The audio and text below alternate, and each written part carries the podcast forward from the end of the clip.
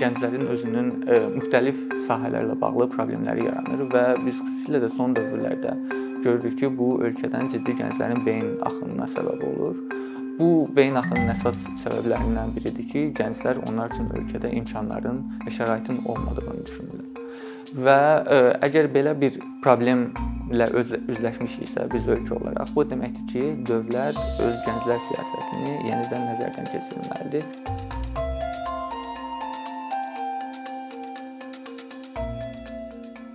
Ümumilikdə Azərbaycanda gənclərlə bağlı deyək ki, qüvvədə olan qanun olsa da, ə, müxtəlif fəaliyyət proqramları təsdiqlənsə də və dövlət büdcəsindən iri həcmdə resurslar ayrılsa da çox az müzakirə olunan mövzulardan biridir gənclər siyasəti. Xüsusilə də gənc qrupların, tələbələrin, ekspertlərin ə, daim diqqətdə saxlamalı olduğu məsələlərdən biridir gənclər siyasəti.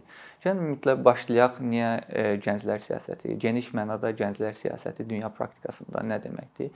Gənclər siyasəti dövlətin e, gənc olaraq e, müəyyənləşdirdiyi qrupların e, cəmiyyətə sağlam inteqrasiyası üçün şərait yaratmağa, imkanlar təşkil etmək məqsədi ilə təşkil elədiyi fəaliyyətlər toplusudur. Bizim regionda gənclər siyasətinin əsas deyək ki, təşviqatçısı Avropa Şurasıdır. Azərbaycanda da gənclər siyasəti haqqında qanun 2002-ci ildə Avropa Şurasına üzvlükdən 1 il sonra qəbul olundu. Avropa Şurası deyir ki, gənclər siyasəti demokratik iştirakçılıq və insan hüquqlarına əsaslanan prinsiplər əsasında qurulmalıdır. Amma təəssüf ki, biz ə, Azərbaycanda ə, gənclər siyasətində bunun öz təzahürünü görmürük. Amma mən bu gün gənclər siyasətinin digər ə, problemləri haqqında danışacağam. Mən bu gün o haqqda danışacağam ki, niyə ə, deyək ki, gənclər siyasəti ilə bağlı qəbul olunan ə, dövlət proqramları, uzunmüddətli dövlət proqramları gənclərin gündəlik həyatında, gündəlik praktikalarında öz əksini tapmır, öz təzahürünü göstərmir. Niyə müxtəlif vətəndaşların müxtəlif yaş qrupları arasında dövlət xüsusilə də gənclərlə bağlı siyasət qurur? Bu diskriminativdirmi? Xüsusilə də gənclərə diqqətin göstərilməsi. Bu yaş qrupları arasında olan gənclər məsələn Azərbaycanda 14-29 yaş arası müəyyənləşdirib, digər ölkələrdə də kiçik fərqlərlə oxşar yaşlardadır gənclər cəmiyyətin həyatında iştiraka başlayırlar və onlar məsələn deyək ki, sosial sahibkarlıq fəaliyyəti ilə və ya deyək ki, o demokratik iştirakla, səs verməklə, hər hansı bir ictimai siyasi fəaliyyətlə məşğul olmağa başlayırlar və ya onların hər hansı bir sosial risk qrupundadırlarsa, hər hansı bir sosial problemlərlə üzləşirlərsə, o sosial problemlər daha da qabarmağa başlayır onlar üçün. Bu baxımdan dövlətin deyək ki, onlar üçün imkanlar yaratmasına xüsusi ehtiyac duyulur və gənclər siyasətini, yəni müxtəlif ölkələrdə müxtəlif cür olan gənclər siyasəti əsasən dövlətlərin buna bağlı deyək ki, uzunmüddətli strategiyaları olur. Gənclər siyasətinin məqsədi həmin deyək ki, gənclər üçün imkanlar yaratmaqdır ki, özlərini cəmiyyətdə reallaşdıra bilsinlər.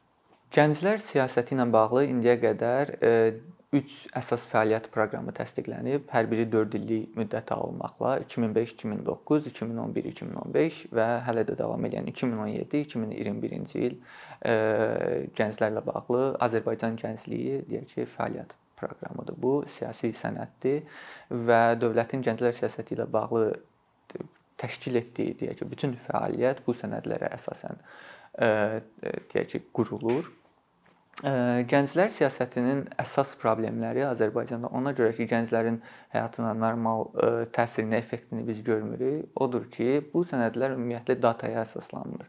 Yəni bu siyasət sənədləri deyək ki, dövlətin gənclərlə bağlı 4 illik verdiyi qərarlar, yəni hansı fəaliyyətlər təyin olub. Bu qərarlar gənclərin problemlərinin və ya gənclərlə bağlı məqsədlərin öyrənilməsindən sonra həyata keçirilmir. Bununla bağlı deyək ki, məlumatların toplanılmasından sonra həyata keçirilmir.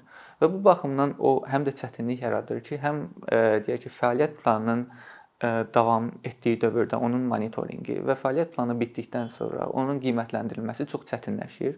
Çünki dövlətin bu sahədə özünə qoyduğu məqsədlər aydın deyil və ya müəyyənləşdirdiyi problemlər konkret deyil. Digər bir problem odur ki, gənclər siyasəti ilə bağlı bu fəaliyyət planı həddindən artıq genişdir və çox abstrakt məqsədlər var. Məsələn, biz həmin sənədləri deyək ki, təhlil etsək, görərik ki, orada çoxlu bu ifadələr işlədir. Məsələn, gənclərin milli mənəvi ruhda tərbiyə olunması və ya gənclərin vətənpərvərlik ruhunda tərbiyə olunması. Məsələn, bu ifadələri hansısa siyasətçinin dilindən eşidəndə biz bunu anlayışla qarşılaya bilərik deyək ki, gənclərə xitaban və s.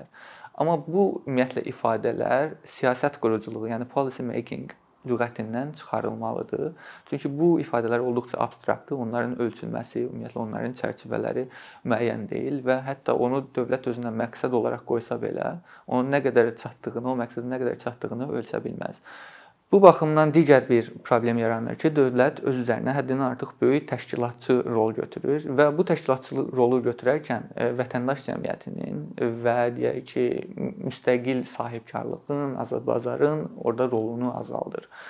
E, dövlət məsələn e, fəaliyyət planına baxanda görürük ki, müxtəlif tədbirlərin, konfransların, festivalların təşkilatı ilə məşğul olur və 4 il müddətində bu belə davam eləyir. Dövlət müxtəlif infrastruktur qurur və biz orada sənədləri təhlil edəndə görürük ki, dövlət əslində görməməli olduğu işlərə diqqət göstərməli olduğu işlərə diqqət göstərir. Halbuki diqqət göstərilməli olan sahələr dövlətin diqqətindən kənarda qalır. Məsələn, mən bunlara örnəklər vermək istərdim. Orda məsələn dövlət siyasətində olduqca tez-tez qeyd olunur ki, məsələn, qeyri-formal təhsillə bağlı tədbirlər Qeyri-formal təhsillə bağlı tədbirlərin e, təşkili üçün dövlətin orada rolu olmasına ehtiyac yoxdur. Dövlət bunu stimullaşdıra bilər ki, vətəndaş cəmiyyəti təşkilatları və mən bunu deyəndə təkcə QHT-ləri nəzərdə tutmuram, müxtəlif gənc icmalar, şəbəkələr, deyək ki, hərəkatlar, e, müxtəlif gənclər qrupları bu e, özlərinin maarifləndirmə prosesi ilə məşğul ola bilər əgər dövlət onlar üçün imkanlar və ya şərait yaratsa. Amma dövlətin e, deyək ki, digər məsələ, məsələn, reproduktiv sağlamlıq, xüsusilə gənclik dövrünə e, başlayan vətəndaşlar üçün olduqca bu sahədə bilgi bilgilərin artırılması olduqca vacibdir.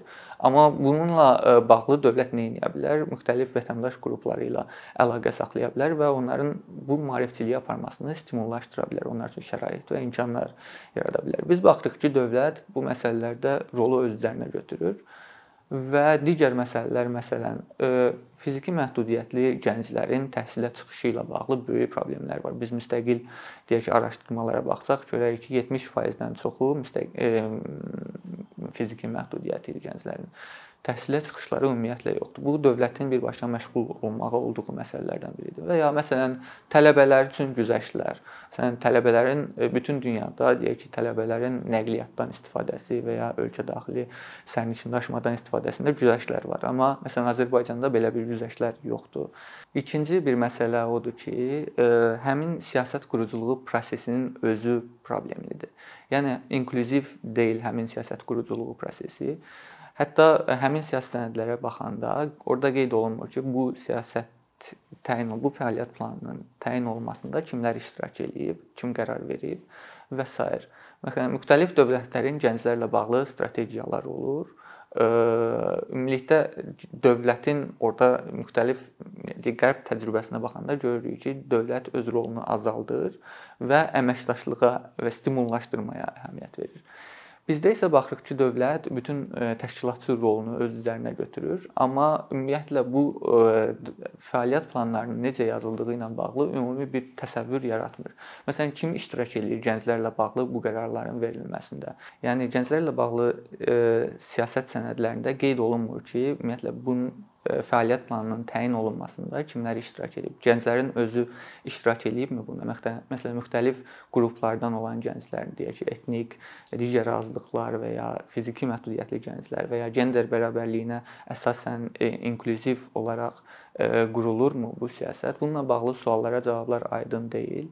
Orda gənclər siyasəti ilə bağlı sənədlərdə yalnız qeyd olunur ki, müxtəlif dövlət qurumları, əsasən də Gənclər və İdman Nazirliyi bu siyasətin həm qurulmasında, həm də deyək ki, icrasında aktiv iştirak eləyir və əsasən də sadəcə dövlət qurumlarının adları qeyd olunur orada.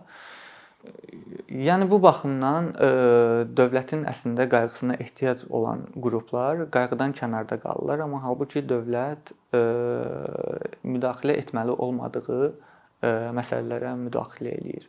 Məsələn, dövlətin gənc sahibkarlığa dəstəklə bağlı edə biləcəyi ən böyük yaxşılıq, ən böyük töhfə gənc sahibkarların fəaliyyətinə mane olmamaqdır və ya dövlətin gənclərin icmalaşması, gənclərin iştirakı ilə bağlı eləyə biləcəyi, göstərə biləcəyi ən böyük töhfə bunu stimullaşdırmaqdır, təbii ki, buna şərait və imkanlar yaratmaqdır, amma buna mane olmamaqdır.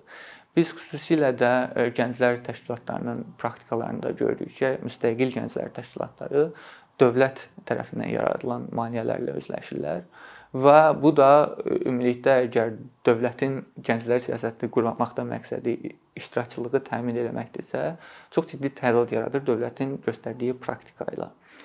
Bu baxımdan ə, mən düşünürəm ki, ümumilikdə yekun olaraq dövlət uzunmüddətli gənclər proqramları, gənclər fəaliyyəti ümumiyyətlə belə bir siyasi sənədlərin hazırlanması praktikasından imtina eləməlidir. Dövlət gənclərlə bağlı öz prioritetlərini müəyyənləşdirməlidir ki, hansı sahələrdə dövlətin xüsusi şərait və imkanlar yaratmasına ehtiyac var, hansı sahələrdə dövlətin gənclərlə bağlı stimullaşdırmasına ehtiyac var və ya hansı sahədə dövlətin birbaşa sosial yardımlar, sosial ümumiyyətlə öhdəlik götürməsinə ehtiyac var gənclər qruplarında. Həmin sahələr üzrə dövlət öz e, prioritetlərini müəyyənləşdirib uzunmüddətli bir strategiya qura bilər və bu strategiyanın icrasında müxtəlif vətəndaş cəmiyyəti ilə və ya müxtəlif bizneslərlə əməkdaşlıq eləyə bilər. Bu müxtəlif ölkələrin təcrübəsində də belədir. Məsələn, e, qonşu Gürcüstanın e, təcrübəsində də biz görürük ki, dövlətin ümumiyyətlə heç bir fəaliyyət planı və ya heç bir qanun yoxdur gənclərlə bağlı. Gürcüstanda dövlətin ümumiyyətlə bir strategiyası var və o strategiya sənədində, yəni siyasi sənəddə qeyd olunur ki, bu strategiyanın hazırlanmasında hansı qruplar iştirak edir? Orada qeyd olunur məsələn gənclər təşkilatları, araşdırma mərkəzləri və s.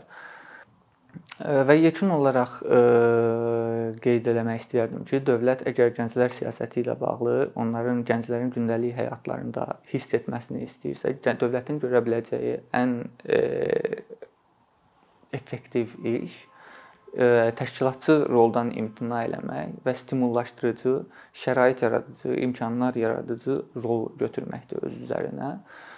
Ə, əgər dövlət təşkilatçı rolunu götürməyə davam eləsə, bu sadəcə Sovet dövrünün məsələn komsomolları ilə assosiasiya oluna bilər ki, dövlət ə, e, ideoloji təbliğat aparır, dövlət hər hansı bir siyasi qrupun deyək ki, təbliğatı ilə məşğul olur. Amma halbuki dövlət ə, e, ümumiyyətlə bu təşkilatçı rolundan geri çəkilsə və vətəndaş cəmiyyətinə ə, e, inkişafına töhfə versə, müxtəlif icmaların, müxtəlif maarifçi hərəkatların yaranmasına həm də ə, imkan yaratmış var. Bunlara imkan yaratmayanda biz gördük ki, e, gənclər siyasəti, gənclərin özünün e, müxtəlif sahələrlə bağlı problemləri yaranır və biz xüsusilə də son dövrlərdə görürük ki, bu ölkədən ciddi gənclərin beyin axınına səbəb olur. E, bu beyin axınının əsas səbəblərindən biridir ki, gənclər onlar üçün ölkədə imkanların və şəraitin olmadığını düşünürlər. Və əgər belə bir problemlə öz üzləşmişiksə biz ölkə olaraq, bu deməkdir ki, dövlət öz gənclər siyasətini yenidən nəzərdən keçirməlidir və bunu nəzərdən keçirərkən müxtəlif qruplardan rəylər almalıdır. Bu müxtəlif deyək ki, rəqəmlərə əsaslanmalıdır və bu siyasətin qurulması ümumiyyətlə inklüziv olmalıdır. Əkinçinin yeni videoları haqqında məlumatlı olmaq üçün kanalımıza abunə olmağı və xəbərdarlıq funksiyasını aktivləşdirməyi unutmayın. İmkandan istifadə edərək cari patronlarımıza işlərimizi davam etməyə yardım olduqları üçün dərin təşəkkürümüzü bildiririk. Əkinçinin Patreon icmasının üzvü olaraq siz bizim təşəbbüsə dəstək göstərməklə bərabər hazırladığımız materialları hər kəsdən öncə izləmə imkanı əldə edəcəksiniz.